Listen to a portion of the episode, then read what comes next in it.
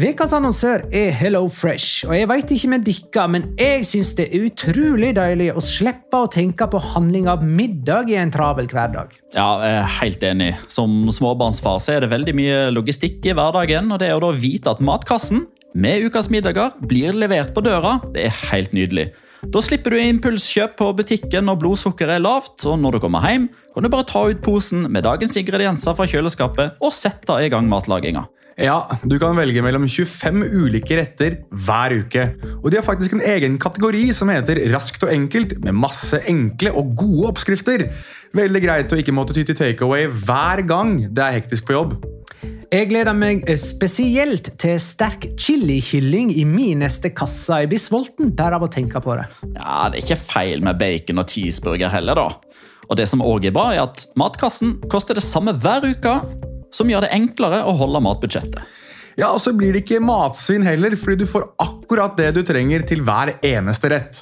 Hello Fresh kan absolutt anbefales, og bruker du koden vår, LIGALOCA, kan du få opptil 1779 kroner i rabatt på de fem første matkastene hvis du ikke har prøvd Hello Fresh tidligere.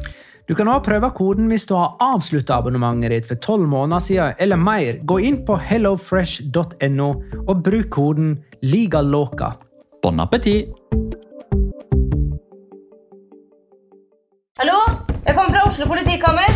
Ine Jansen er purk. Er du purk? The motherfucking bitch. Alt jeg vil, er å finne ut hva som skjedde med mannen min. Jon Carew. Er jeg sikta for noe? Iben Akeli. Det er du. Ole So, Lars Berrum og Big Daddy Karsten. Hvem sin side er du på, egentlig? Anette Hoff, Tone Danielsen, Kommer du fra Afrika? Jørnis Josef, Nesten. Kløfta. Trond Espen Seim. Det er synd å si det, men det var feil mann som døde. Purk. Premiere tirsdag på TV2 Play.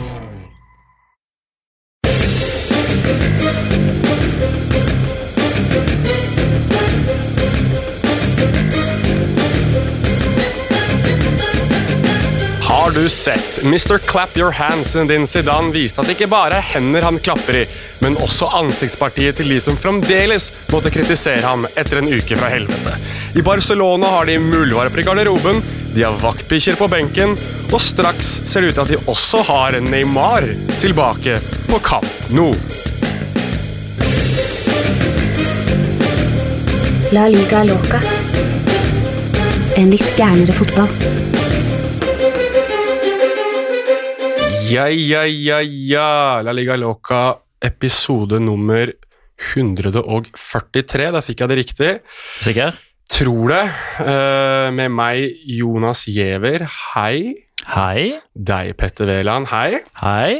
Magna Kalvik er fremdeles på uh, jobbassignment uten at vi egentlig helt vet hva det er, så jeg har bestemt meg for at han er en av de som jobber i Area 51 i uh, USA. Kan ikke si til oss hva det er for noe. Ja.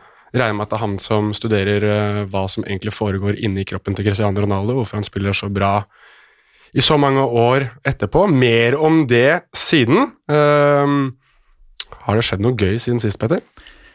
Mm, nei, det har vel egentlig ikke det, bortsett fra på fotballbanen. Der skjer det jo masse gøy. Ja. Det er jo stille sånn uh, førjulstid. Ja. Stillere enn normalt. Ja, Det har vært en si, oppsiktsvekkende uke for deg som jobbet i TV-studio med rasismesaker i Paris og holdt på å si vondt verre, men det blir kanskje ikke vondt verre enn det, tror jeg. Eh, Det er kanskje det verste man får.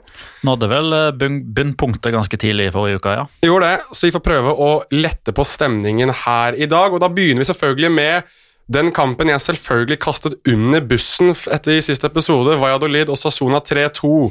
Der skulle jo ikke skje noe, men alt skjedde. Eh, I hvert fall hvis du tenker på skåringer. Eh, For Valladolid var det Sean Weismann som skåret to ganger. Det første og det tredje målet Fabian Oriana på straffespark, så de to signeringene viste seg litt fram. Mens Ante Bodimir, en annen signering, og Roberto Torres skåret for uh, Osasuna. Det er da første skåringene til Sean Weismann.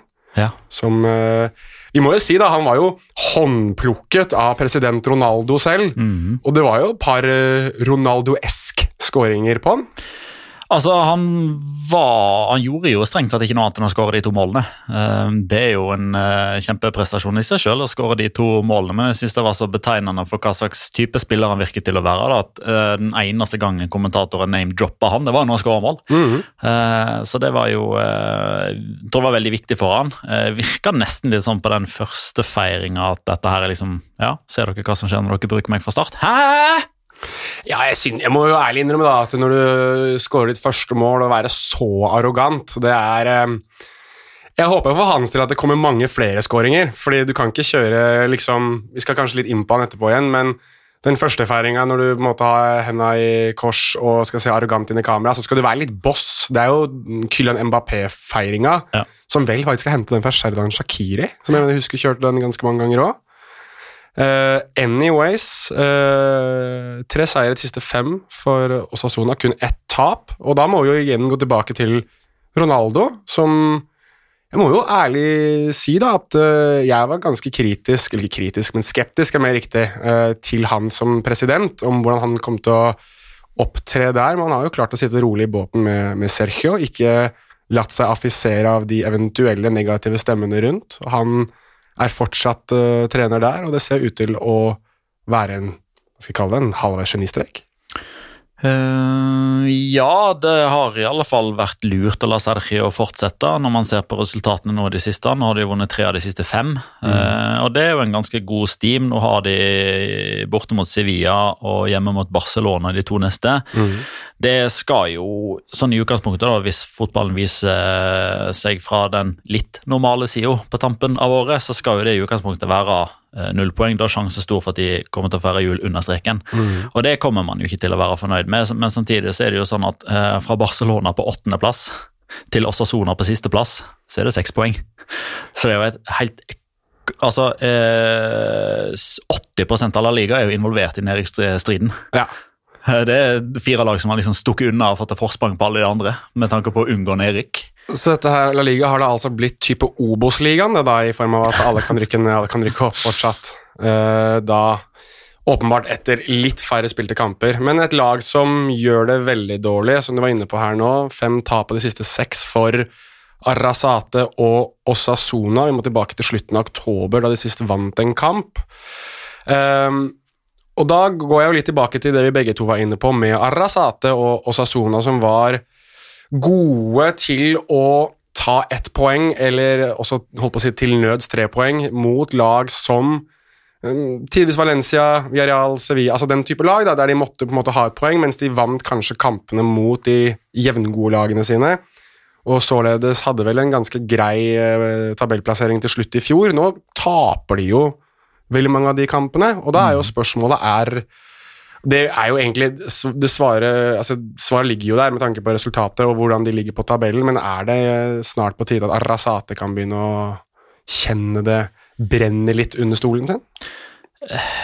Jeg syns det er litt sånn vanskelig å lese La Liga-tabellen og egentlig ha noen sånn sterke meninger om hvem som er nestemann som, uh, som må gå. Uh, altså hadde, hadde ting vært som normalt i f.eks. Barcelona, så hadde man jo kanskje trodd at Ronald Koeman var den som var nærmest å få fyken, fordi de ligger på åttendeplass ni poeng bak, men der er det jo ikke en president som kan gi han sparken. Nei, hadde ting vært som normalt, så hadde jo ikke Valencia hatt Havi Javi Gracia som trener. Hadde vært på femte treneren for sesongen, tror jeg. Ja, ikke sant? Eh, og det er litt sånn som jeg var inne på da. Altså, Osasona er eh, tabelljumbo nummer ni denne sesongen. Ni lag har vært sist i La Liga etter en serierunde. Hvor mange serierunder har de spilt da? 13. Ikke sant? Sånn, ni forskjellige på 13. Og det som er så spesielt, er at kun ett av lagene som har vært tabelljumbo, Mm. har tapt en kamp de har spilt som tabelljumbo.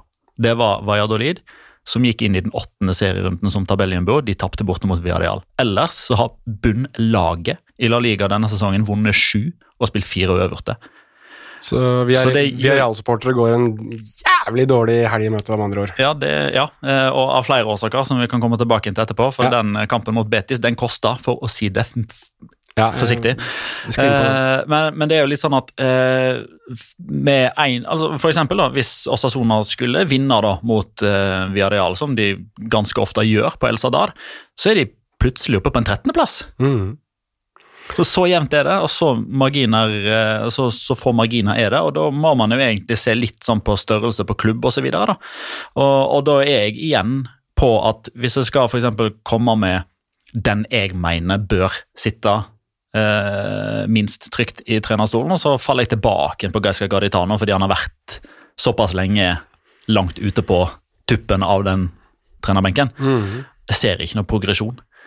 Ser ikke noe som helst i verken spill eller måte han tar ut lag på, eller leder underveis, eller bytter eller spillestille, eller noe som helst som tilsier at snart så kommer det til å ordne seg. Nei, det er det. Og da er det litt sånn at Hvis man ser på de lagene som er på nedre halvdel nå, da, hvis man setter en strek eh, på, på tiendeplassen og så glemmer man de som er topp ti, så er det jo Valencia. Vi skal inn på den situasjonen der Ja, ja. etterpå, -hmm. som er ganske Grusom. Jo, men som òg fritar Havi Gracia fra Jo, jo, ja, det ja, ansvaret. sånn, ja. Mm, Da mm. er jo den desidert største klubben som ligger på nedre halvdel, det er Atletic Klubb.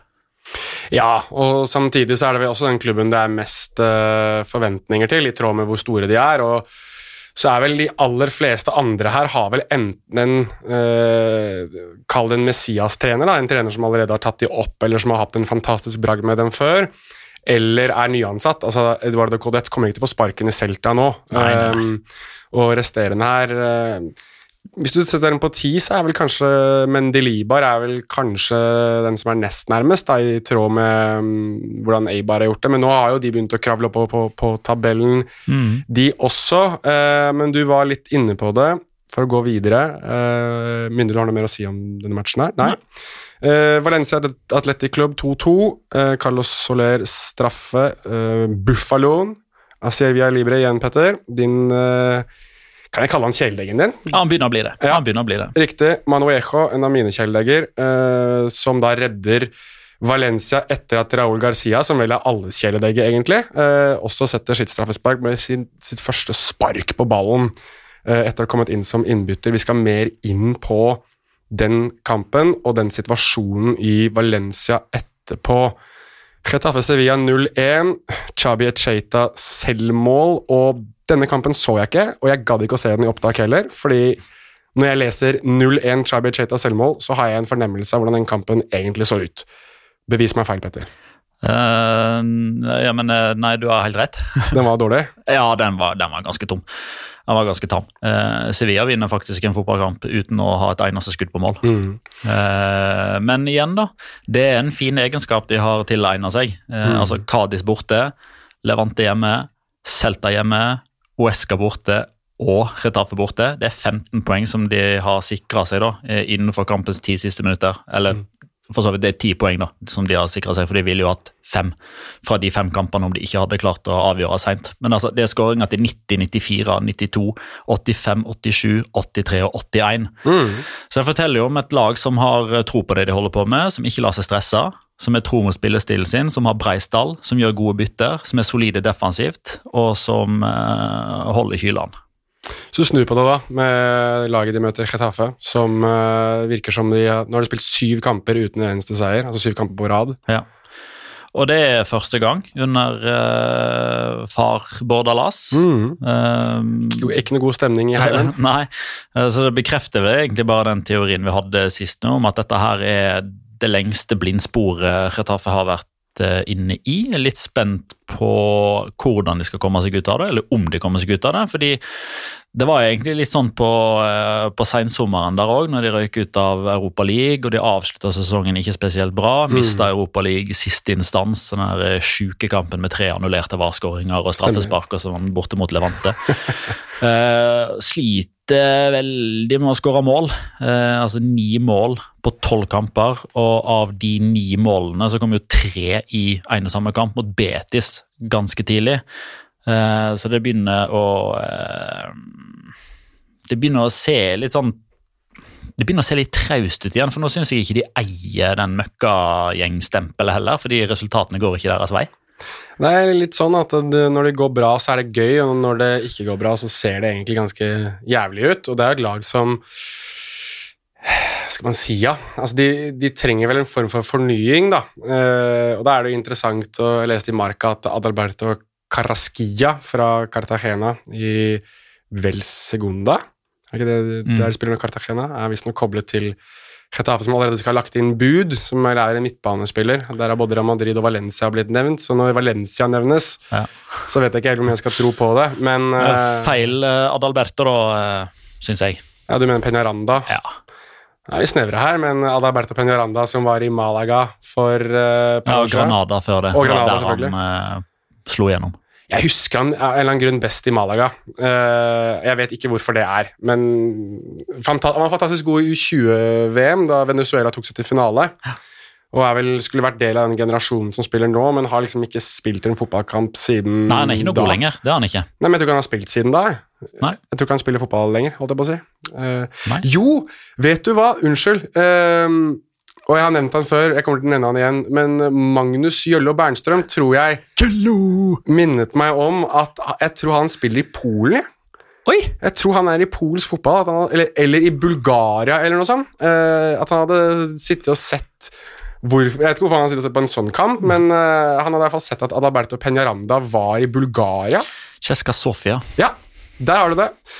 Da har vi sklidd ut for første gang av sikkert flere i denne episoden her. Eh, Sevilla er jo videre i Champions League.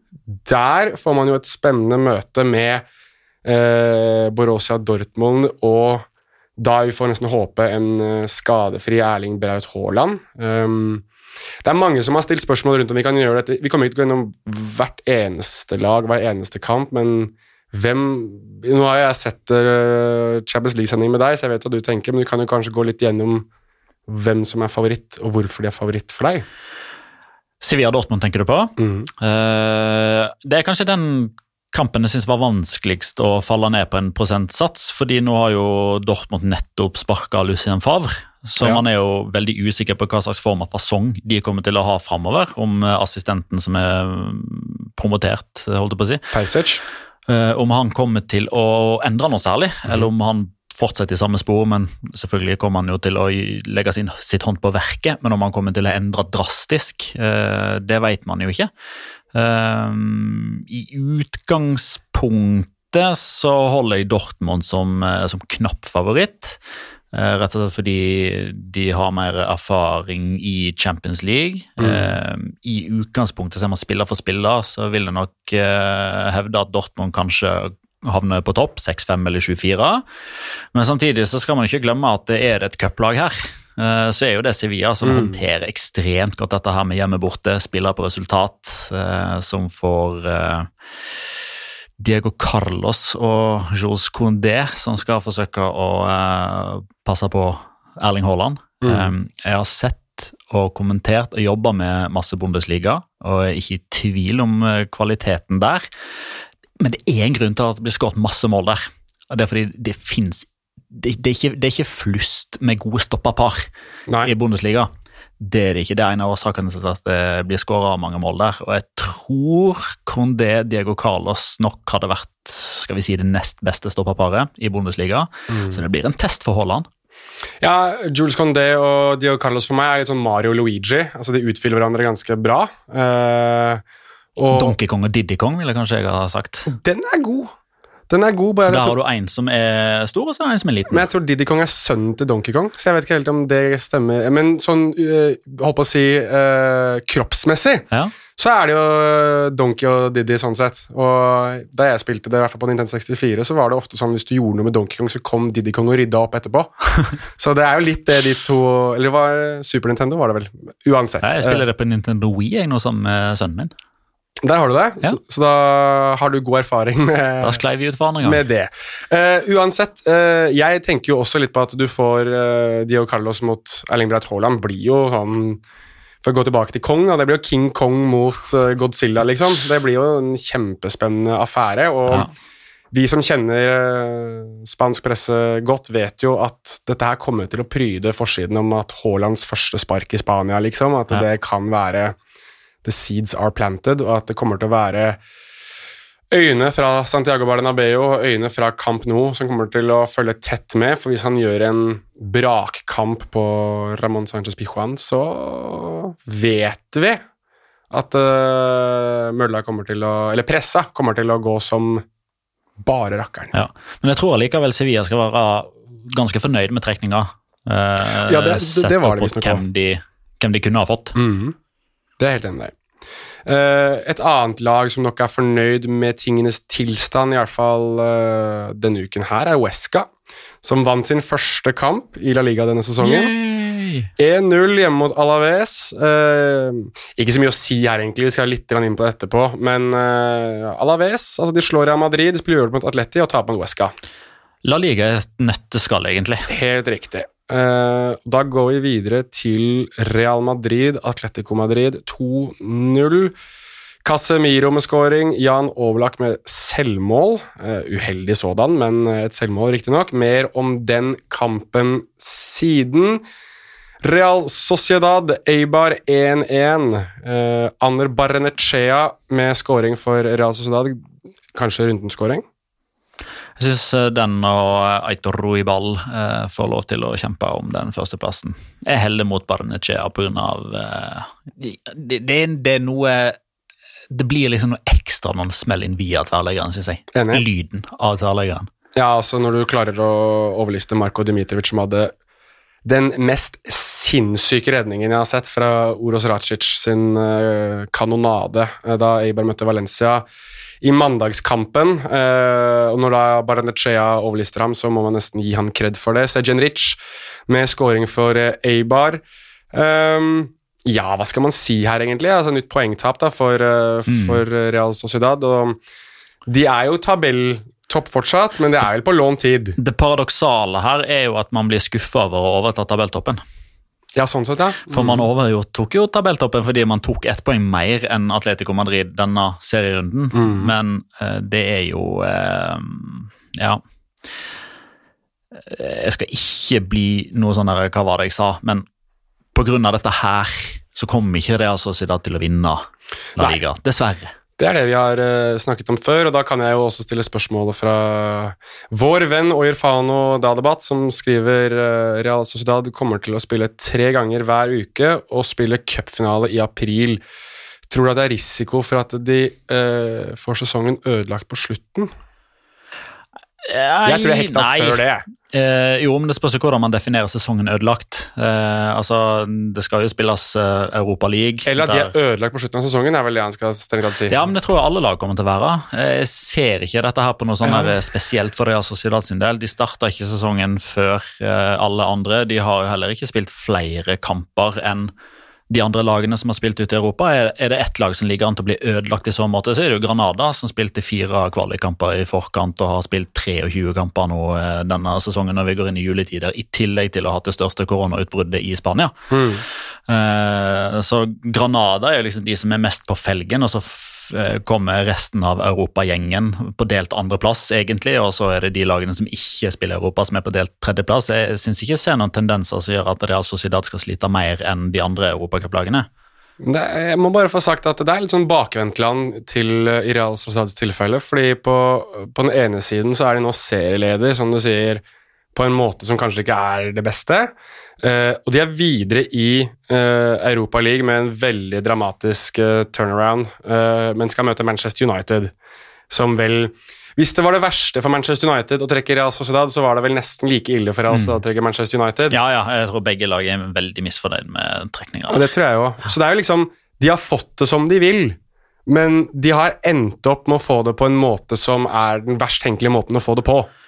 Ja, og så blir det vel Blir ikke det femte gangen at eh, Real Sociedad og Manchester United møtes? De har jo møttes to ganger før, i, en gang i Champions League, vel, og så en gang i Europa League før. Jeg var det begge i uh, Ja, Jeg husker at jeg møttes i- Champions League. For jeg, Jeg mener, jeg husker en 0-0-kamp som jeg Ja. var på, på Anueta. Og så vant jo United 1-0 en gang etter sjølmål av Inigo Martinez. Den var jeg på. Så, Ikke sant? Så, da er vi godt representert. ja, vi har nok det, Nei, vent litt nå. Nei, det er Villarreal som har møtt eh, United Det- med 0-0, 0-0, 0-0 og 0-0. Riktig. Helt Så da blir det eh, tredje gangen, da. Ja, riktig. Uh, men jeg husker det Inigo Martines selvmål. Mm. Uh, Antoine Griezmann spilte for Real Sociedad den kampen der, men jeg husker. Um, men ja, nei, altså det er sikkert mange som lurer litt på det også, hvordan vi definerer styrkeforholdet mellom Manchester United og Real Sociedad. Og jeg skal være så ærlig, Nå ser jeg begge de to lagene her ganske ofte. Jeg har Real Sociedad som favoritt, jeg, altså. Jeg synes de ser mer komplette ut uh, i veldig mye av uh, Altså med ballspill og det å uh, spille på lav risiko og jobbe seg opp til muligheter, og det at de har enkeltspillere som David Silva og Jarzabal, eh, Porto, som jeg tror kommer til å være helt essensiell i de kampene der for å bare ta ut den der eh, venstrebekken til Manchester United. Um, hvis Alexander Isak er påskrudd, så er jo han, eh, kan jo han fint leke litt med landsmann Viktor Lindeløv. Så jeg har de som ikke sånn superstore favoritter, men jeg er sånn 60-40, 55-45 favør Real Sociedad. altså. Ja, der strekker jeg egentlig armene litt i været og jeg tar den litt sånn halvfeige varianten med 50-50. Ja, det er lov, det. det, er lov, det. For Der, der syns jeg det er egentlig veldig lite som, uh, som skiller de. Det kommer liksom, kom litt an på hvem som får kampen inn i sitt spor. Uh, ja, ikke minst hvordan situasjon er hjemlig liga, som gjerne da blir uh, helt avgjørende for hva slags type lag man stiller. Mm. For dette her vil jo være den perioden der man har seriecup, seriecup, seriecup, seriecup, landslagsseriecup, seriecup. Sant? Mm. Da kommer kampene tett som hagl, og da må man veldig ofte i sånne situasjoner gjøre litt prioriteringer. Mm -hmm. Altså La oss si at hvis, hvis det der Sociedad eh, fortsatt er eh, typ topp tre, da, og innenfor rekkevidde for at man kan liksom argumentere for at de fortsetter med en gullkamp, så tror jeg ikke de stiller reservelag eh, helga før og helga etter for å være 100% inn mot den Manchester United-kampen, f.eks. Mens omvendt, da, hvis de, hvis de fortsatt ikke klarer å avgjøre jevne kamper til sin fordel, spiller masse uavgjort og de er eh, langt unna, så kan det hende at de legger alle eggene i Europaliga-kurven. Og, og sånn blir det jo på mange måter litt for Manchester United i dag, hvis de eh, ligger såpass dårlig an f.eks. i Premier League. Hvis de taper tre-fire kamper i løpet av en sånn fem-seks kampers periode og plutselig er åtte poeng bak fjerdeplassen, så er jo Europaliga veien inn i Champions League neste sesong. Sant? Så det kommer veldig an på. To lag som fort også må kjempe om uh, både Kanskje det ene laget skal kjempe om Champions League og andre laget om Europaligaen på sikt, er Real Betis og Jareal, som spilte 1-1. Uh, Aitor Ruibal, som du nevnte, med scoring for Betis uh, etter at Pau Torres hadde gitt Villarreal ledelsen på en corner, av alle ting. Jeg tror aldri jeg har sett en trener se så irritert ut som det Manuel Pellegrini var etter at uh, Betis har sluppet inn på corner. Altså, han så altså, det, det, var sånn forkastelig ansiktsuttrykk. Sånn, altså, er det mulig, liksom? Ja, det var liksom Av alle ting. Det var én ting ja. dere idioter ikke skulle gjøre de første fem minuttene. Det var å slippe inn mål. Men dette må jo være et resultat som ingen er fornøyde med. Uh, er i hvert fall det jeg konkluderte litt med. Altså Betis trenger type et slags statement. altså De trenger å vise at de, de er, blir å regne med på en eller annen måte, og det føler jeg ikke man har fått ennå. Mens Villarreal taper jo terreng til, til toppen. altså De har jo, vært, uh, har jo vært i nærheten av uh, topplassering. Nå er de fire poeng bak Real Sociedad med like mange kamper spilt, og da også like mange poeng som Atletico Madrid Eller uh, skal vi si, de er altså fire poeng bak Atletico Madrid med to kamper mer spilt. Um, som da indikerer jo at de mest sannsynlig ikke kommer til å være å regne med hvis Atletico Madrid vinner én av de to uh, kampene. Um, men du skulle litt inn på Villarreal, for der tror jeg mm. du sitter i, brenner inne med mye frustrasjon etter å ha sett Pervis Estopinian, Francis Coquelin og uh, Vicente Iborra alle sammen forsvunnet ut med skader. Ja, eh, altså inngangen til denne kampen var jo at eh, torsdagens kamp mot eh, Karabag ble Den er vel fortsatt eh, formelt suspendert ikke avlyst ennå. Rart at Uefa ikke bare har sett en strek over den, for vi hadde all gruppevinner uansett, og Karabag sist uansett. Eh, den kampen ble jo eh, utsatt pga. koronautbrudd hos gjestene. så de fikk i utgangspunktet fri. Uh, og det skulle jo på mange måter gjøre de godt, uh, men de kom jo inn til kampen med skade på Moy Gomez, Carlos Bacca og Paco Alcácer. Uh, så de hadde allerede tre mann ute med skade. Og så Jeg ser jo med en gang når Iborra faller der, at dette her er ute resten av sesongen. Jeg har sett nok fotball, sett nok kneskader. og ja, kom bekreftelse nå rett før vi gikk inn i studio. Vicente Ibarra er ferdig spilt. Spiller ikke mer denne sesongen. Det Nei. er blytungt fravær.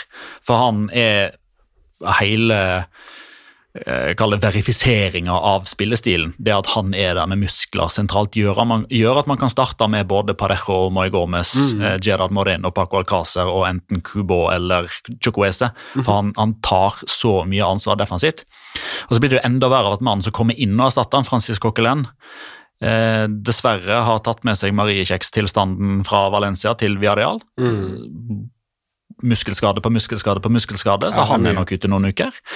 Eh, som du nevner, Per Visse Stopinian satte seg ned minuttet etter at Iborra gikk ut. Eh, det er andre gangen nå i løpet av bare noen uker at han ryker på en sånn muskelskade, så der begynner man å se en litt sånn urovekkende trend. Hvem kom inn for han? Jo, det var Alfonso Pedraza. Første han gjorde eh, i andre omgang, var å pådra seg sitt femte gule kort, så han er òg ute mot Rosasona. Ja. Så fire raske fravær der da, i løpet av en periode på ti minutter. Altså siste fem av første omgang og siste fem av, eller første fem av andre omgang. Eh, så dette var et, eh, et resultat som, eh, som smerta veldig. Ikke i form av at det ikke er bra å ta poeng bort mot Betis, for det, det kan være et ok resultat sånn isolert sett. Men, Men- men er det ikke det? bra. Men er det det for, for Villarreal som har ligget så bra an? Ja, jeg vil si det. fordi altså, Noen ganger så er det sånn Det er litt sånn som med Real Sociedad. Det er lett å la seg rive med, det er lett å la eh, forventningene ja, bli kunstig høye. Altså, Det at Villarreal nå er nummer fire i La Liga eh, og er bare poenget bak Real Madrid, riktignok med en kamp eh, mer spilt, eh, at de ligger an til å være sånn cirka på poeng med Sevilla, det er bra, det. Okay. Det er bra, det. Nei, bevares. Jeg, men jeg bare tenker, når, når man har sett måten de har rekruttert på altså De har fått inn Ona Emery, de bygger på det som så ut til å være noe spennende i fjor, synes jeg. Og så er det liksom Nå har du alle skadene i tillegg òg, men du har liksom det at de ikke vinner kamper som dette, som ville definitivt vært med Ja, på å den, den, definere det, akkurat den kampen her er jeg ganske sikker på at man hadde vunnet hvis man ikke måtte gjøre fem bytter i løpet av fra 40 til 58. Jo, For det er i løpet av den tidsperioden der at man pådrar seg et frispark som, Ja. uh, som fører til tilbakelengsmål. og så eh, skal man ikke glemme at nå har vi spilt 15 kamper bra uten å tape. Og det i seg selv er en eh, egenskap som man sjelden har sett eh, for ubåten. For der har det gjerne gått litt sånn i bølgedaler. Altså fra 4-1 til 0-3 eh, har ofte De har vært gått litt ned sånn på havets dyp, er det det du prøver å si? Eh, ja, men nå holder de liksom jevnt eh, på null meter over havet, liksom. Ja. Eh, ja noen uavgjort for mange, kan man nok si. da, men, men, men da syns jeg at den hjemmekampen mot Elche forrige helg, om at man ikke klarer å vinne den, det er mye verre enn at man i hermetegn bare reiser med ett poeng fra Ja. Benito Villamarin. Enig. Uh, Pellegrini og Betis. Det er kun én seier de siste fem. Um, jeg husker at uh, styrmann stilte spørsmål forrige uke, vi rakk ikke det, så jeg kan ta den nå. Uh, hva skjer med prosjekt Pellegrini? Er det Og spesielt sett i lys av at Eder Sarabia og Kikki Setien beveget leppene sine litt i pressen i forrige uke. Ja, eh, snakka vi ikke om det? Jo, vi var inne på det så vidt det var. Ja, jeg mener i alle fall at jeg tok til orde for at det var strategisk tidspunkt Ja, men det å blir snakke ikke det nå. Nei, men det, de la så mye prestisje i det, og Pellegrini er en såpass eh, hva skal jeg si da, tung, prestisjetung trener. Det skal veldig mye til for at han må gå. Du skal ikke glemme at de faktisk ligger på øvre halvdel.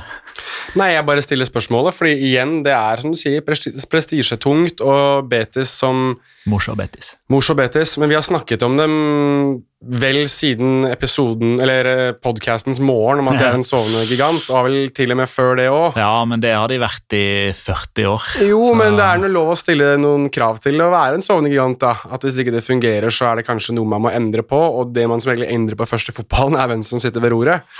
Uh, Viareal møter uh, Red Bull Salzburg i Europaligaen. Det er jo også en ganske grusom trekning for deres del, vil jeg mene. Ja, det er litt sånn som med assosierer det Manchester United. Der Ja. tror jeg de uh, hytter neven mot hverandre samtidig. Ja, jeg er ganske enig i det. Men det spørs veldig hva som skjer i januar. Hvis det samme skjer i 2021 som i 2020, så er Viareal store favoritter. Hvis de to-tre beste spillerne Ja. forlater Salzburg igjen, f.eks. Shoboslai, Ja. Da, eh, da er det gult favorittstempel i så fall. Enig der. Eh, et lag som definitivt ikke har favorittstempelet i sin kamp i Europaligaen, er Granada, som skal til Stadio Diego Maradona og møte Napoli. Eh, men det gikk jo greit denne helga mot Elche, altså 0-1, og da er det jo Petter Losvik som stiller spørsmål.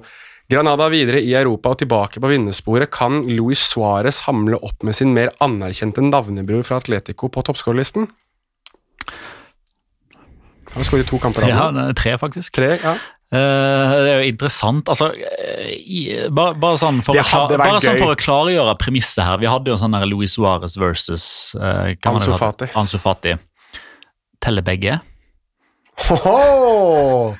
Ja, det er bra. Det er bra. Uh, men det er jo litt gøy det, Men hvem er best? Diaz eller Charis for øyeblikket? Oi, godt spørsmål. Eh, Charis er i best form. det er han nok. Altså, Skal du definere, komme med en forklaring nå? Nei, ikke noe annet enn at jeg syns at uh, igjen så viser Luis Suárez skal begrense han er i kamper der Atletico Madrid skal ligge og kontra. Ja, og det er Diaz.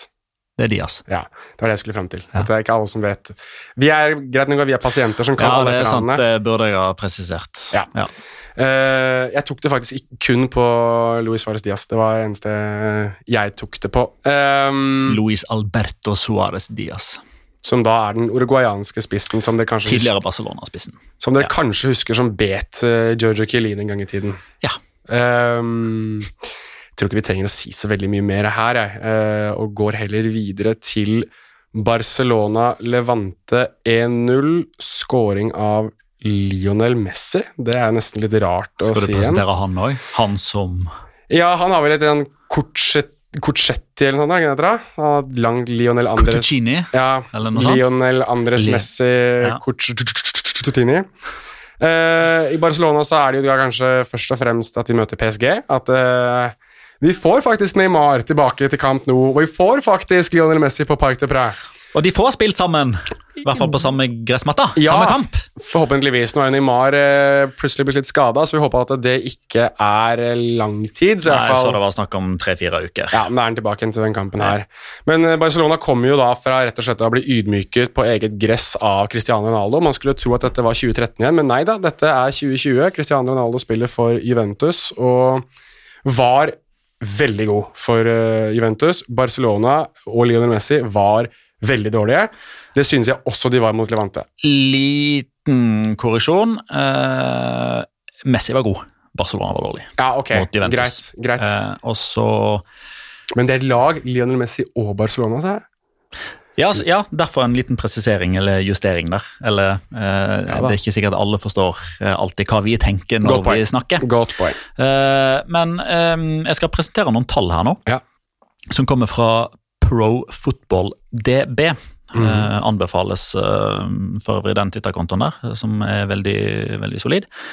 Eh, for de har sett på eh, skuddstatistikken til Barcelona denne sesongen, og det på en måte så overrasker det meg, men på en annen måte så overrasker meg ikke. For jeg har jo eh, altså, Ingen må misforstå meg her nå. altså Barcelona sin sesong eh, og ikke minst høst 2020 er langt under paret. Det er ikke i nærheten av å være eh, på sitt beste.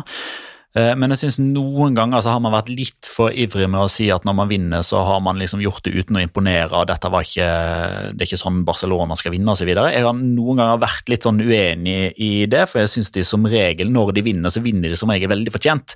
Det som er Barcelonas store problem denne sesongen, er hvis de havner under, så blir de likbleike. De blir hvite som spøkelser og er livredd for å gjøre feil, og de klarer ikke snu kampene. Men tallene, som egentlig underbygger litt av den mistanken jeg hadde, Eh, antall avslutninger Barcelona har hatt i snitt per kamp denne sesongen er 16,06. Den høyeste, eh, det høyeste snittet de har hatt de siste seks sesongene, det var i 2015-2016. Da hadde de 16,00. De skyter mer enn noen gang. De kommer til flere avslutninger enn noen gang. Skudd på mål, som jo er veldig relevant. Hvis du skal skåre mål, så må du treffe innenfor de eh, tre stolpene. Det høyeste snittet fra de siste seks sesongene var i 2014-2015. Da vant de Champions League, da vant de La Liga, og de vant Copa del Rey. 6,86. Denne sesongen 7,35. De skyter oftere innenfor stengene denne sesongen enn de siste seks sesongene. Antall skudd som de trenger for å skåre mål, og her kommer problemet. Det høyeste tallet, altså det største problemet, det var for to sesonger siden, 2018-2019. Da skåra de på hvert 6,46. skudd. Nå skårer de på hvert 7,38. skudd. Og dette her er jo på mange måter Jeg hørte påpeke de, Messi. vant- de vant ligaen, da. For jeg husker i 18, Ja, ja, ja, ja, ja, ja, ja absolutt. Dette, altså, her, her snakker vi jo om eh, en sesong der de vant eh, The Treble. Ja. Vi snakker om eh, fire av seks sesonger der de vant seriegull. Mm. eh, der de vant Copa del Rey tre av sesongene. Ja, du snakke du om 18-19? Ja, jo, jo, men de siste seks sesongene, Ja, sånn, ja. Mm. som jo er parameter her, de skyter mer de skyter mer innenfor stengene enn hva de har gjort de siste seks sesongene. Men det bruker mer, mer sjanse på å score. Men de, så, så, så det som egentlig er problemet her, er skuddkvaliteten. De skyter ikke godt nok. Og den som er hovedeksponenten her, eller hovedproblemet i så måte, det er Lionel Messi. Som i løpet av de siste fem kampene nå, nå tar jeg dette her fra hodet, så ikke, ikke gå i graven med dette her, men i løpet av de siste fem eller seks kampene, så i hvert fall fire av de så har Messi skutt tosifra antall ganger, og han har knapt skåra mål. Så det er det som er den store forskjellen. Og Noen ganger så er fotball så enkelt at mål preger meningene våre så vanvittig. Så at hvis Messi hadde hatt en normal uttelling her, så hadde Barcelona fort vært serieleder. Men hemmer Barcelona da, eller hemmer Lionel Messi da Barcelona? Nei, jeg vil ikke si at han hemmer det, for det, det er jo hans fortjeneste stort sett hver eneste gang han kommer til avslutningen. Men det kan være igjen da, altså det kan være en så eh, enkel, men vanskelig forklaring som at eh, når Lionel Messi har det bra utenfor banen, så går det stang inn. Fordi han har flyt. Eh, han står opp om morgenen med smil om munnen, mens nå er han litt mer usikker. Han vet ikke hva han skal gjøre. Eh, om 17 dager så kan han snakke direkte med PSG og Manchester City hvis han vil det.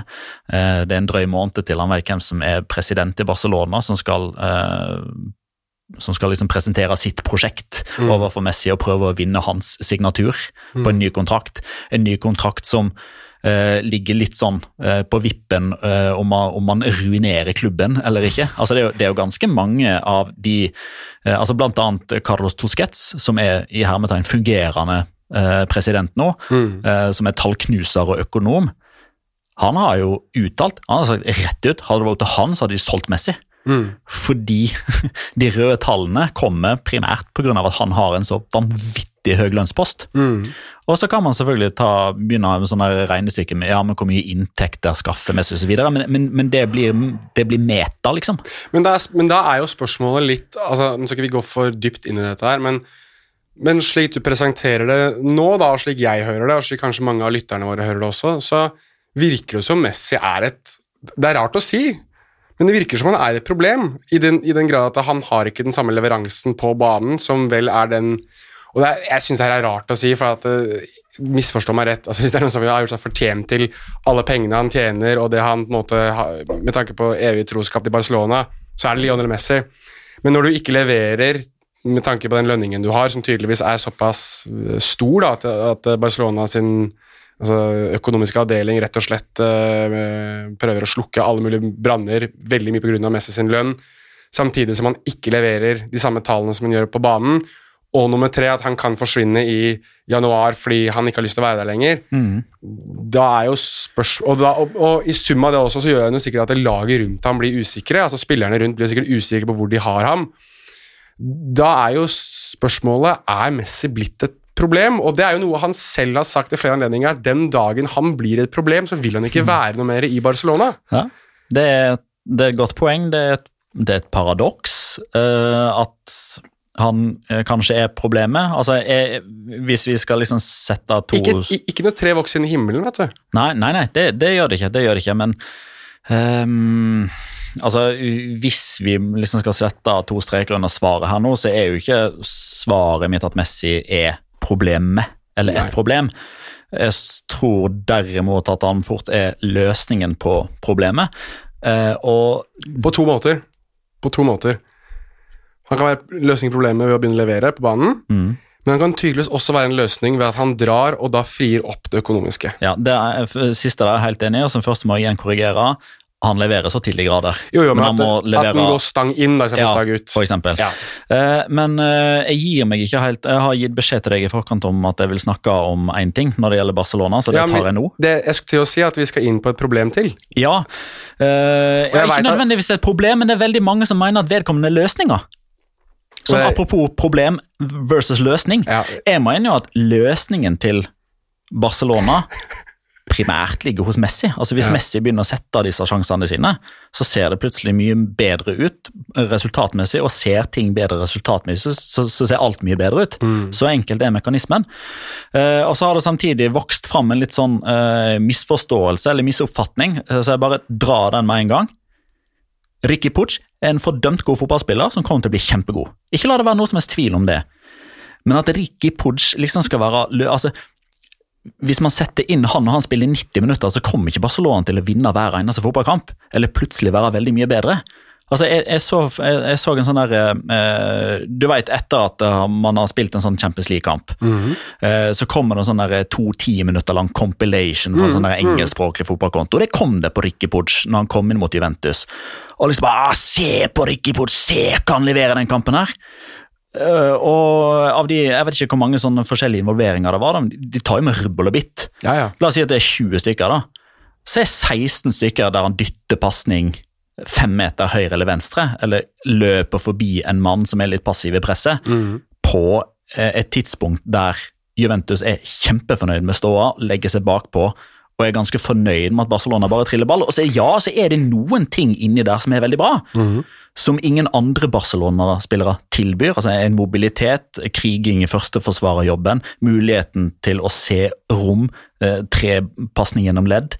Altså, Det fins bra ting der, men det er liksom sånn Igjen da den desproporsjonaliteten mellom hva Ricky Puig kan tilby på en fotballbane for Barcelona anno desember 2020, kontra den rosemalinga veldig mange Barcelona-supportere mener at Ricky Puig står for. Altså,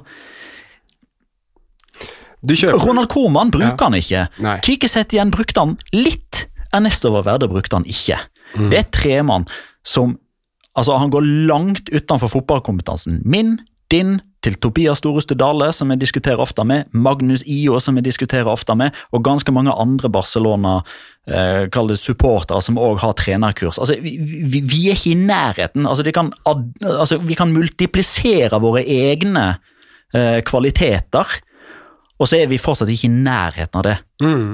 På tross av at verken Ernesto Valverde eller Kike Setien eller Ronald Koeman er verdens beste fotballtrenere, men det er en grunn til at de er der, og at vi er her. Og så kan man være uenig i valg og spillestil og behandling osv., men man, kan liksom ikke bare eh, på bakgrunn av at man er litt uenig i diverse ting, bare fullstendig nulla fotballtrenere som faktisk har fått jobben i fotballklubb Barcelona. Mm. men, men ingen av de tre velger å bruke han. Så hva er det alle andre ser som ikke de ser? Det er det jeg lurer på. Eller om det ligger noe utenomsportslig der. For det kom en artikkel i El Pais, og inn er ikke noe røyk uten ild. Nei, nei. Nei, altså, For å ta det veldig kjapt, da. Det, som, det var ikke så en sånn veldig lang del i den artikkelen, men det som ble sagt, var jo det at eh, Før Gamper-trofékampen, altså denne preseason-kampen, så fikk jo Ricky Pooch beskjed av Ronald Coman at han kommer ikke til å bli satset på, og kunne stå fritt og finne seg en ny klubb. Og Da møtet var over, så hadde det vel gått typ noen timer, og så var det ute i pressen. Og da hadde uh, Ronald Coman strengt tatt hengt han opp etter veggen og sagt til han foran hele troppen at du er den som lekker. Du lekker til pressen. Og på en måte gjort et poeng ut av han i garderoben. da. Og eh, veldig mange i den saken også, og veldig mange hadde eh, reagert på at han ikke hadde reagert på samme måte med Luis Suárez, som hadde lekket sin samtale, den telefonsamtalen som vi har gått gjennom, den famøse da Ronald Koeman strengt tatt satt og sendte dødsmeldinger eller dødstelefon til Vidal, Rakitic, Suárez osv. Og, og um, jeg forstår Ronald Koeman litt, fordi um, det er et hierarki. Det er et hierarki, og selv om Ricky Pooch har gått gjennom Barcelona-systemet, så er han yngstemann. Altså, for å ta en litt sånn banal sammenligning, da, men jeg er med og trener et juniorlag. Og det er, det er åpenbart at han yngste skal hente ballene. Han skal hente kjeglene, han skal samle sammen baller, han skal samle sammen kjeglene og levere det på klubbhuset når, treningen er over. Og han gjør det uten å, at det er noe klaging, at det er noe sutring er noe grining, for det er sånn hierarkiet er. Når du blir nest yngst, så er det han yngste som skal gjøre det. Så enkelt er det. Eh, og når da Ricky Push, som da yngstemann, tilsynelatende Jeg sier ikke at det er han, men tilsynelatende enten har sagt det sin agent som har sagt det til presten, eller selv har gått til presten og sagt det, så er det åpenbart at det, da er det noe som ikke stemmer i en garderobe, og da når du er hentet inn som vaktbikkje, som er det Ronald Koeman er hentet inn som, og allerede finner det man kan kalle for en muldvarp, som er ute og lekker når så fort eh, det går imot ham, da er det ganske viktig at han gjør et poeng ut av det kjapt og sier at det, hvis du skal være med her, hvis du skal bli toppspiller, det her kan vi ikke ha noe av. Suárez var på vei ut uansett. Han var, unnskyld uttrykket, men daukjøtt. Altså det, det, det er over der uansett. Så hyl og grin på vei ut døra. Du har potensielt en framtid der. Du har fått beskjed Koeman sa vel på en pressekonferanse at han fikk beskjed om at du satset ikke på i år. Du kan lånes ut, du kan snakke med klubber om et Ja, utlån. ja, det, var, det var ikke snakk om at det skulle bli fristilt eller solgt for en symbolsk sum. Altså, Nei.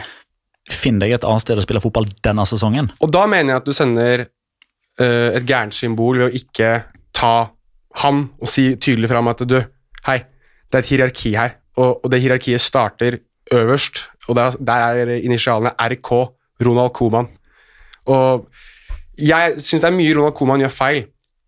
Misforstå meg rett, jeg syns Koman ikke burde være Barcelona-trener i tråd med resultatene han leverer, og jeg skjønner de som har lyst til at han skal få sparken, at de skal hente en ny trener og Xavi og vondt være. Jeg skjønner den, den tankegangen, men jeg skjønner ikke hvorfor det her er feil. Dette er jo en av de tingene han er ansatt for å gjøre. Det var jo det han ble ansatt for. Så kan du fint si at Bartomeo gjorde dette litt sånn på trass, virker det som. da. At han bare hentet inn den største brannstarteren av dem alle, egentlig. Men dette er jo det han er ansatt for. Og da er det ganske viktig at det ikke yngstemann på dekk er den som hyler høyest og lager mest uh, furore.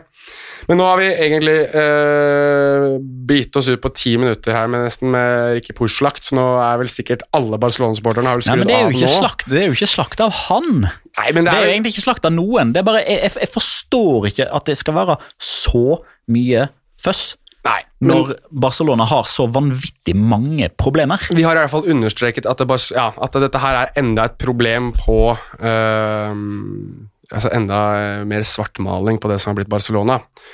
Eh, nå løper tiden litt fra, så vi kan gå litt kjapt igjennom eh, dette med Valencia. Altså, de, de spiller 2-2. eh, ingen seier de siste fire kampene for Valencia, kun én seier de siste fem for Atletic. Du dekket jo Garitano innledningsvis her, så hvis du har lyst til å høre hva Petter mener om han, så skrur du episoden tilbake en typ halvtime. Man har antageligvis hørt allerede. Det har man nok. Um, men jeg, jeg biter meg merke i noe Havi Gracia sa etter kampen, at Valencia er nå summen av det som er realiteten. Altså, Enkelt og greit, vi er, ikke, vi er ikke bedre enn det her. Altså, Så enkelt er det. Og da er jo det litt reflektert i at Petter Lim, Valencia-eier, har nå sagt ifra om at han vil ha tilbake de 54,5 millionene euro han lånte dem. Eh, og det er vel da har man tatt med mm, renter osv. i det. Eh, Han skal ha de pengene innen september 2021. Det betyr at man har øremerket at spillere skal nå selges. Og det veldig mange Valencia-supportere i hvert fall som jeg har lest, frykter, er jo at typer som Jonas Mossa og Oros Rasic har fått nye kontrakter fordi de skal selges.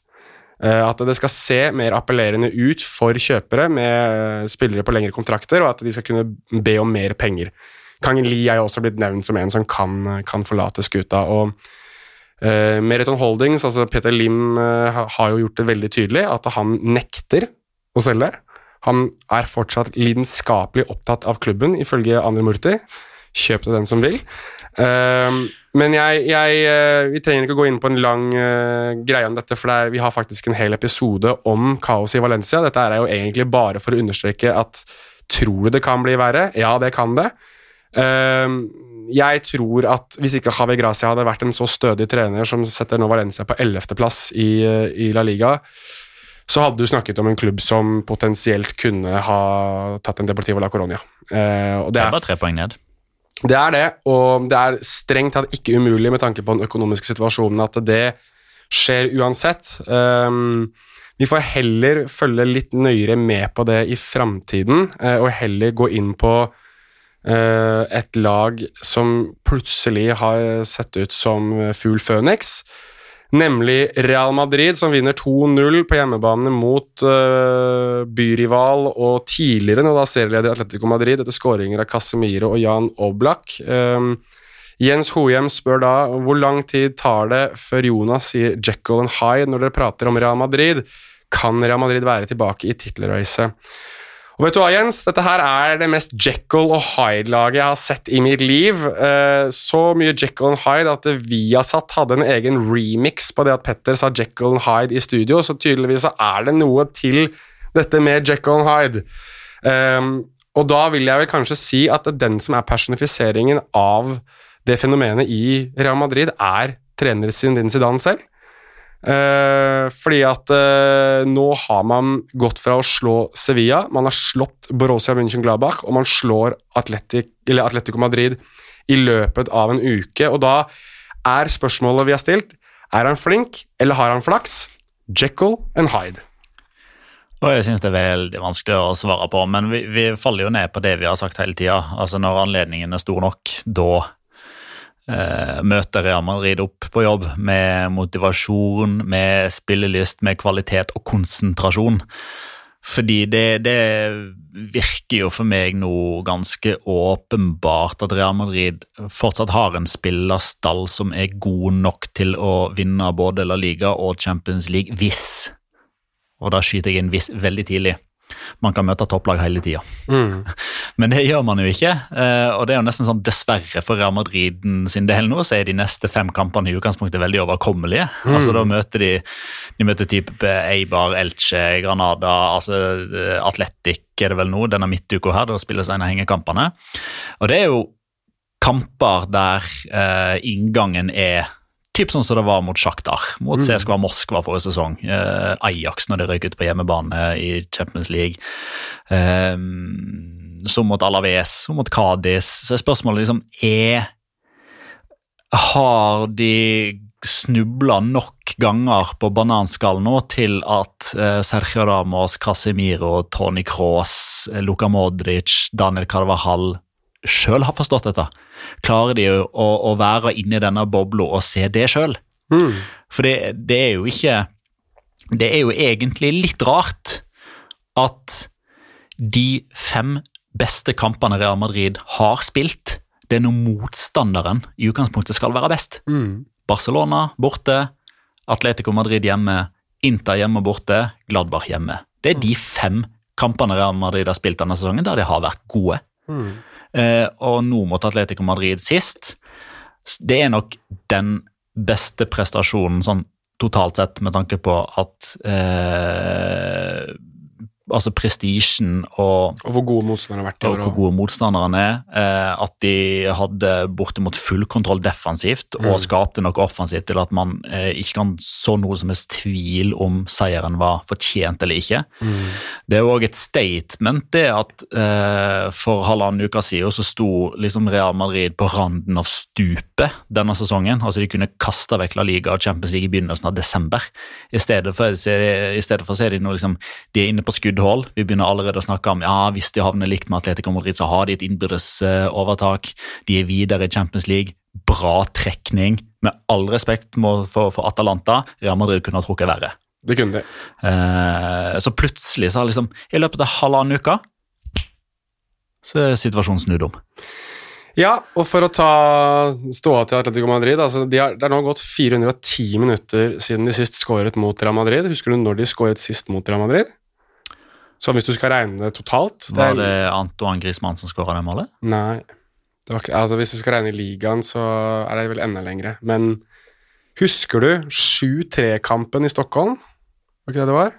Ja, den der Audi Cup, eller hva det var for noe? Har ikke skåret mot uh, Real Madrid siden. Det Nei, Brukte de opp uh, skåringene der, da? 410 minutter siden. De har spilt tre kamper i La Liga. De har også spilt 120 minutter i Supercoppa-kampen i Saudi-Arabia. Og fra mål nummer sju altså det, mål nummer sju i den kampen ble skåret i det 70. minutt. Så derfra ut skåret du ikke noe mer. Så 410 minutter har de brukt på uten å skåre mot Real Madrid nå. Eh, Tom Lemar eh, med kjempemiss. Vi må si tilbake til gode gamle. Joe Felix fly forbanna. Da han ble byttet ut. Saul hastet tilbake, vel, mer eller mindre. altså Fra litt sånn halvveis småskada fortsatt, ikke i form. Eh, sesongens første serietap i kamp nummer 11. Eh, så det er liksom ikke så veldig mye å ta på vei for, med tanke på Nei, at jeg eh, syns de fortsatt er i en veldig, veldig fin situasjon. Og, og det er kanskje Jeg veit ikke om det er riktig, men det, det, var kanskje en hemsko for Atletico Madrid at de lå så godt an før kampen. mm, Det er typ sånn, Hadde det vært eh, ett eller to poeng mellom lagene, mm, så tror jeg kanskje deg og Simione hadde fått vatta enda litt mer eh, futt inn i troppen. Jeg synes egentlig det virka litt som at de skjønte at uansett hvordan det går i denne kampen, så ligger vi veldig bra an. enig. Så det fikk liksom ikke Det var ikke nok vaktbikkjer som var på jobb. Nei. Eh, kanskje har man blitt fortalt litt for ofte og med litt for høy røst inn mot denne kampen her av alle andre om at ja, men dette her er en kamp som betyr mest for Real Madrid, for hvis de taper, så er de liksom ute av seriekampen. Mens uansett hvordan det går for Atletico Madrid, så er de fortsatt ja, kanskje gjerne favoritter allerede. Ja, I alle fall, de kommer til å være foran eh, Real Madrid uansett hvordan Real Madrid gjør de hengekampene sine. så De har fortsatt ting i egne hender. Det kan kanskje ha ødelagt litt for dem. Jeg er helt enig. Jeg er helt enig. Uh, Real Madrid møter Atalanta i uh, Champions League, som må jo sies å være en fordelaktig trekning for dem, selv om Atalanta selvfølgelig er, uh, kan være et høyoktan lag som kan ta Real Madrid på noe av den temposvake delen av deres spill innimellom. Um, Atletico møter Chelsea, det føler jeg at de gjør hvert år. så, men de har vel hatt et godt tak på Chelsea, godt lag på engelske lag generelt. Vi husker jo at de slo ut Liverpool i fjor. Uh, ja, og før det så slo de jo ut uh, Arsenal. Mm. Og før det så slo de ut Leicester. Det de før det så slo de ut Chelsea i semifinalen i 2014. Ja. Uh, de slo Chelsea i supercupen i 2012 2012 så slo de Fulham i Europaliga-finalen i 2010, og på veien da så slo de ut Liverpool. Så de har sju på rad i utslag mot engelske klubber. Tradisjon tro der, altså. Uh, jeg tror vi må spare din dommeroppsummering, Petter. Det ser sånn ut. Til neste episode, men den, det helt greit. den går jo ikke av moten. Uh, Neida. Rundens spiller, der uh, kan vi gå kjapt gjennom, så kan vi heller fokusere litt på han øverst, syns jeg. Uh, Tredjeplass har vi Casemiro, litt for det du var inne på, med at gamle helter viser seg når det gjelder som mest. Og han altså, skårer flere mål enn Kroos og Modric. Det er også litt sykt, egentlig. Mm. Men uh, vi må nesten gi litt honnør da, til uh, Tony Cross, uh, som var god mot Sevilla, synes jeg. Mm. Karim Benzema, big game Karim mot Borussia München-Gladbach. Ja. Og Casemiro og Lucas Vasques, som var fantastisk gode mot Atletico Madrid. Um, Andreplassen går til Sean Weissmann, som vi var inne på i stad. som... Uh, ja, han var så glad for å skåre mål, han visste ikke hvilken feiring han skulle kjøre først. Hvis du ser 2-0-skåringa, så tror jeg du får typ hjertefeiring, kyssing av et eller annet, eh, noe greier over hodet, eh, armene i kors. Det var, liksom, det var alt mulig på en gang. Det Virker nesten å innsett at jeg kommer ikke til å skåre mer denne sesongen, så nå må jeg gjøre alle feiringene jeg kan. Ja, eller i hvert fall gjøre alle feiringene i tilfelle dette er siste skåring. Ja. Men nummer én Uh, går jo fordi vi er litt sentimentale i denne podkasten her. Uh, les 'Jeg er den sentimentale'. Uh, Havi Antiveros, målskårer for, uh, for Wesca, matchvinner, som da i kampintervjuet, eller postmatchintervjuet, brakk sammen i tårer, dedikerte sin scoring til sin covid-syke bestemor, og knakk rett og slett helt sammen og sa at det, han håper på det beste for henne, at 'jeg trenger deg, jeg elsker deg'. Mm. og knakk helt sammen, egentlig. Uh, veldig vanskelig å se på. Um, men uansett, derfor så blir han rundens spiller, også i tråd fordi han leder Wesca til, til deres første seier uh, denne sesongen. Um, og nå er vi veldig på overtid, men vi skal fortsatt få tid til en locora! Ukens La Liga Locura. Locura. Locura. Locura. La Liga Locura. Skal jeg kanskje starte med min, da, siden du pleier å starte med din, uh, Petter. Ja. Uh, jeg har valgt å gå ned uh, en divisjon. Jeg går til oppgjøret mellom Tenerife og Real Oviedo. Jeg vet ikke om du har fått med deg hva som skjedde der. Et, skal vi inn på etter sånn ca. 12-13 sekunder? Vi skal inn på 12-13 sekunder der Tenerifes Carlos Pomares altså, regelrett stempler ned Juanjo Nieto. Altså, det er noe av det villeste jeg har sett. Altså, det, han bare sparker han ned etter tolv sekunder. Sist sett i en sånn oktagon. Ja, litt sånn UFC-spark, bare i rygg, rygg rumpepartiet på Juanjo Nieto. Eh, dommer Saul Iceredge eh, brukte vel egentlig ikke noe tid på å vippe fram det røde kortet. Eh, merkverdig, og man skulle nesten tro at det var noe kampfiksingsgreier inne i bildet her, så kjapt som det var. Eh, Tenerife nede i ti mann. Eh, jeg vet ikke om det er tidenes raskeste røde kort, men det, eller i hvert fall direkte røde kort. Jeg regner jo med at det må i hvert fall ligge der oppe et eller annet sted. Ja, I sekunder så er det det. Ja. Det er i hvert fall, eh, Jeg anbefaler Den ligger ute som sånn eget klipp, tror jeg, faktisk, fra La Liga. Sånn derre uh, WTF. You had one job. Ja, ish. Uh, hva med deg? For min del så er den ganske enkel og grei. den. Real Madrid og Barcelona vant i samme serierunde. Og det er sist gang første gang siden fjerde serierunde. Så det begynner å bli en locora at de to faktisk vinner samme serierunde nå. Så gæren er La Liga øye- for øyeblikket at det er unntaket mer enn regelen. Fantastisk. Ehm, for å gå videre til tippingen. Jeg har da valgt eh, Barcelona Valencia. Uh, det er jo det, litt i tråd med at vi har hatt det mye i Real Madrid, så må vi også ha uh, litt grann eh, Litt grann mm, Vi har hatt mye Real Madrid, så vi ha litt Valen- Valencia, nei, Barcelona, og nå har vi også eh, muligheten til å ha Valencia, for nå spiller de ikke mandagskamp. Eh, Magnar har selvfølgelig sendt inn sin. Eh, han går for eh, 2-1 til Barcelona. Skåring av Lionel Messi. Eh, 5-1. Eh, Messi kommer til å skåre hat trick i den kampen. her, Nå begynner det å løsne litt for han, og han skårer det første òg. Jeg har 3-0 med Lionel Messi, så eh, her er vi spennende. Hvor gikk det sist? Det var det jeg skulle gjennom nå. Eh, det var jo en som traff ganske greit her. Eh, det var selvfølgelig ikke meg, for jeg treffer ikke på en dritt lenger. Eh, jeg hadde 1-1 med Joao Felix som første målskårer, det gir null poeng. Jeg står fortsatt på tre. Magnar hadde 2-1 med Fede Valverde som første målskårer.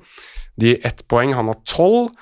Og du, Petter, hadde 2-0 med Sergio Ramos som første målskårer. Det gir tre poeng. Du har nå 14 og leder. Um, for å gå litt igjennom uh, situasjonen her nå Real Sociedad leder ligaen foran Atletico Madrid og Real Madrid. Vi har Real på fjerdeplass. Sevilla og Cádiz. Cádiz spiller i kveld mandag mot Celta Vigo. Den gleder jeg meg noe så grusomt til, faktisk. For jeg har lyst til å se Og det var ikke tull engang heller. Jeg Alvaro Cervera mot Varde Codet. Det syns jeg høres så spennende ut. Eh, Barcelona på åttendeplass, eh, Valencia på ellevte. De tre nederste er Levante, Huesca og Osasuna, som alle har to poeng opp til Celta, Valladolid og Getafe på trygg grunn. Det er også midtukekamper eh, denne uka her. Eh, allerede på tirsdag klokken eh, ti så sparker Real Madrid i gang mot Atletic. Mens onsdag så får vi da Rysaren Barcelona Real Sociedad. Så er det selvfølgelig også kamper eh, til helga, for fotballen tar jo aldri slutt. Så er det Eh, masse Copa del Rey i midtuka òg. det er det òg. Der husker jeg ikke alle som møtes. Nei, altså der er det lag fra langt ned i divisjonene. Eh, Ja. Jeg husker ikke navnet på det, men det er jo faktisk eh, det, det, det laget som skal møte Levante, tror jeg. De har jo signert én spiller til den kampen. Ja, det er... Joe Leon Lescott. Ja, det stemmer. og Jeg tror det er en av de Festøy-klubbene, eh, hvis jeg ikke husker helt feil. Ibiza eller noe Nei, jeg tror det er noe Morsia. Er det det? Ja. Jeg trodde det var Festøy. Ja, anyways. Nei. Jeg kan gå, mens du sjekker det, så kan jeg gå gjennom et par av godbitene for neste helg. Eh, lørdag klokken kvart over fire er det som nevnt Barcelona mot eh, Valencia. Eh, før det så er det Atletico Madrid mot Elche for de som ønsker å se den kommende serieleder kanskje i aksjon. Sevilla møter Valladolid lørdag klokken ni.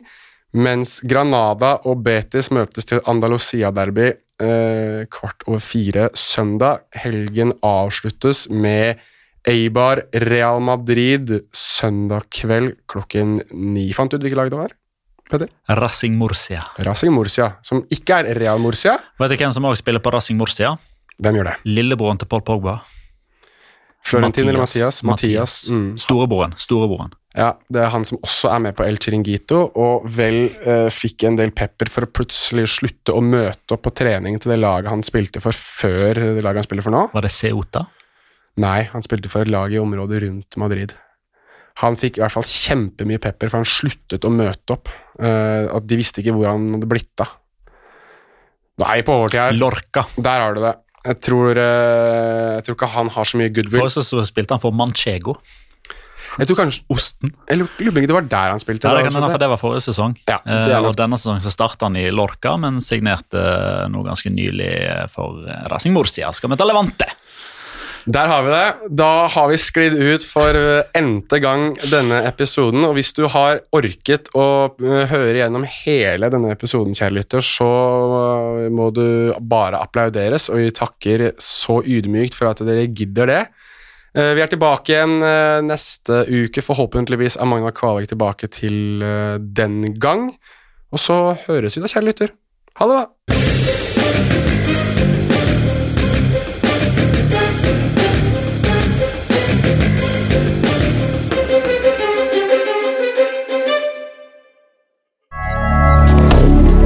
Media.